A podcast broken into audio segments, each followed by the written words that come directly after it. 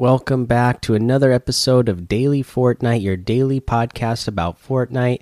I'm your host, Mikey, aka Mike Daddy, aka Magnificent Mikey. All right, today is a good day. We are starting to get some of those teasers. First one we got today was this it says, The clock is ticking. His plan is in place. Can the storm be broken? We'll see in two days. And it is Midas uh, looking in the case that has that outfit in it, um, the Cyclo outfit. And then in the background, you could see, uh, you know, some sort of storm. It's, it's like an orb, and the storm is in it. So I'm kind of curious what it is Midas is doing with the storm. Is he breaking the storm, or is he you know what is he doing to this one? We, we've already seen that the zones in public matches you know have be you know they're different from what they used to be with the first zone being like really really huge and then the second zone is now what would normally would be the first zone that we've seen in the past uh, so it makes me curious to see what they're going to do for season three. Are they going to be changing the way the storm moves? Uh, you know, is there going to be a new item that uses the storm in some way, or that can affect the storm in some way? Uh, that would be pretty interesting. That would be pretty crazy. Very interested to see. Uh, I'm I'm excited uh, now. You know, we are getting down to it now. We're almost getting to the point where we. Um, are getting uh, the uh, uh, new season. So I, I am excited for the to be getting the teasers over the next couple of days, and excited for the event on Monday. Can't wait for that. So again, last reminder because we're in the last few days here. Make sure you get all your challenges done so you can level up your your your battle pass at least to 100, right? So that you can get everything that was in uh, in the battle pass if you haven't done that uh, for some reason yet. Uh, again, uh, other than that, there's no new uh, challenges to talk about or anything. So we'll go ahead and take a break here. All right, let's go ahead and look at what's in today's item shop, and it's a good one. So, first up, we still have all those Marvel uh, Deadpool items in here, so won't go over every single one, but they are still here for now. So get them while you can. But we also have the new outfit, the one that is featured in that teaser that Midas is looking at longingly. It is the Cyclo outfit, Defy the Storm. And then the wind shear cloak back bling is what it comes with as well. Wherever the wind blows, 2,000 V bucks. And I absolutely love this guy, that storm you know the center of that storm uh, pulse thing right in the helmet you could see the storm all moving throughout his uh, arm and his body there on his right arm and body. The rest of him is all in like some sort of mechanical suit.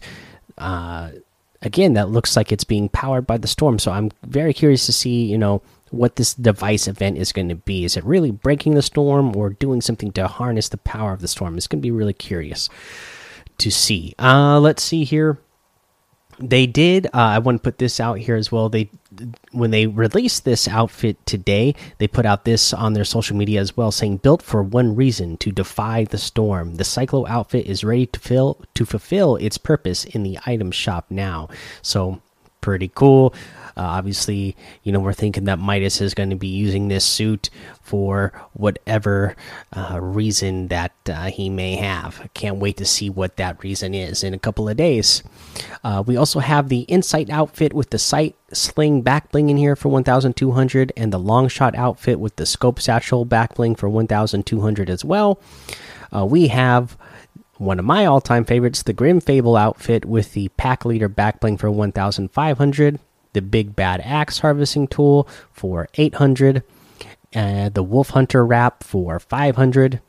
Uh, we got the uh, Hugo outfit with the Emissary Bag back bling, uh, and it comes with the Butterfly Knife emote. 1,200 V bucks for this. Really good one, in my opinion. Uh, we also have the Scarlet Defender outfit uh, for 800, the Eagle emote for 500, the scorecard emote for 200, the dance therapy emote for 800, and the butterfly knives for 800. You can get any and all of these items using code MikeDaddy, M M M I K E D A D D Y, in the item shop, and some of the proceeds will go to help support the show. Okay, so now for my tip of the day. This is actually going to be about uh, building things in creative, especially Zone Wars, uh, because we've had a couple of good Zone Wars lately in in rotation in creative mode, and I love playing Zone Wars. Uh, you know, obviously Donnie SC's Tropical Zone Wars is fantastic. I love that when we had that one in the creative playlist in the in the creative hub there, making it so easy to log in and play that Zone Wars with other people.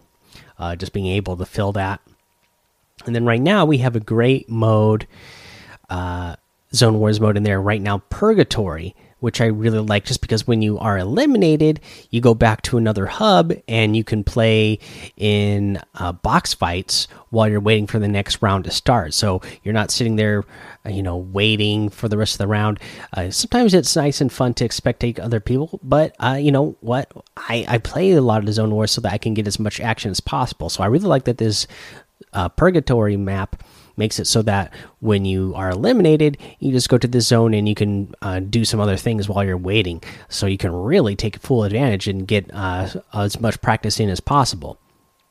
Now, uh, what I loved about Donnie SC's Tropical Zone Wars is that it's a great starting zone. You know, you can start where the way we you start, you know, you're coming out of that wall. You can be all the way down at the bottom, or you can be all the way up at the top. But there's so many different starting zones to choose from that you're randomly picked at the beginning of the match that uh, you know it, there's it's spread out enough. Even though you're all starting from the same starting point you're all spread out enough that it feels uh, like you're, you're you're getting a, a fair starting point. Now what i don't like about the purgatory zone wars map is the fact that uh, you're just starting on these pillars and the pillars are all different heights uh, but you're why you know the you're you start out in the open. So you can start out by building a box but what i found the problem with this purgatory map is uh, if you are starting on a pillar that's lower than everybody else's and sometimes i would I, i'm finding that i'm starting on a pillar that's uh, on a level like below like three or four other pillars.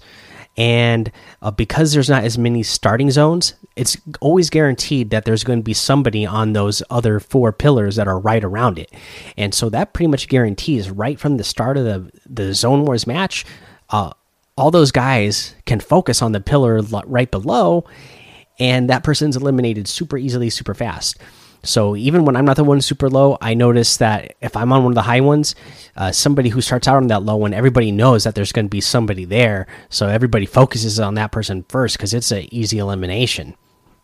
So I would just simply suggest when you're making these creative zone wars maps that you think about all those different factors that um, make the game fun. You know, uh, just uh, one. You know, think about your the the loadouts that the players are starting with, and uh, think about the starting point uh, of every single player. Is there you know when you're making each starting point, think about the advantages and disadvantages that player has. Does uh, is there is there any advantage that the player has by starting at a lower point? Uh, like I said in the zone in the um, Donnie SC's tropical map, at least you're all coming out of a wall. So even even if you're at a lower point, you can start building out of that wall right away to protect yourself. So even even if you're putting somebody in a disadvantage uh, place, at least make it so that there's something there that they can uh, they have a way to get out of it, you know, without an entire lobby focusing on them.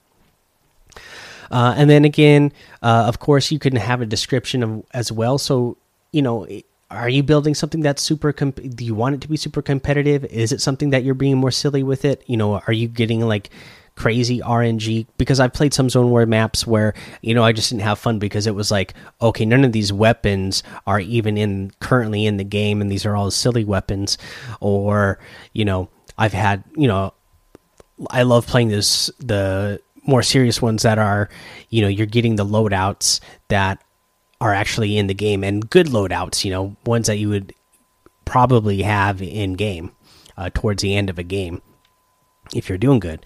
So you know, put I'll put that all kind of stuff in your description as well, so players know what they're they're getting into. Uh, just because I again when I when I go in and I try and map out and then I get in and I find out like oh this is not what I was expecting and kind of feel like I wasted my time. So don't don't waste uh uh you know the your audience's time. Make sure you uh, are being clear on what you're trying to do with what you're making in your creative map. All right, guys, that's the episode for today. Go join the daily Fortnite Discord and hang out with us. Follow me over on Twitch, Twitter, and YouTube. It's Mike Daddy on all of those. Head over to Apple Podcasts, leave a five star rating and a written review for a shout out on the show. Make sure you subscribe so you don't miss an episode. And until next time, have fun, be safe, and don't get lost in the storm.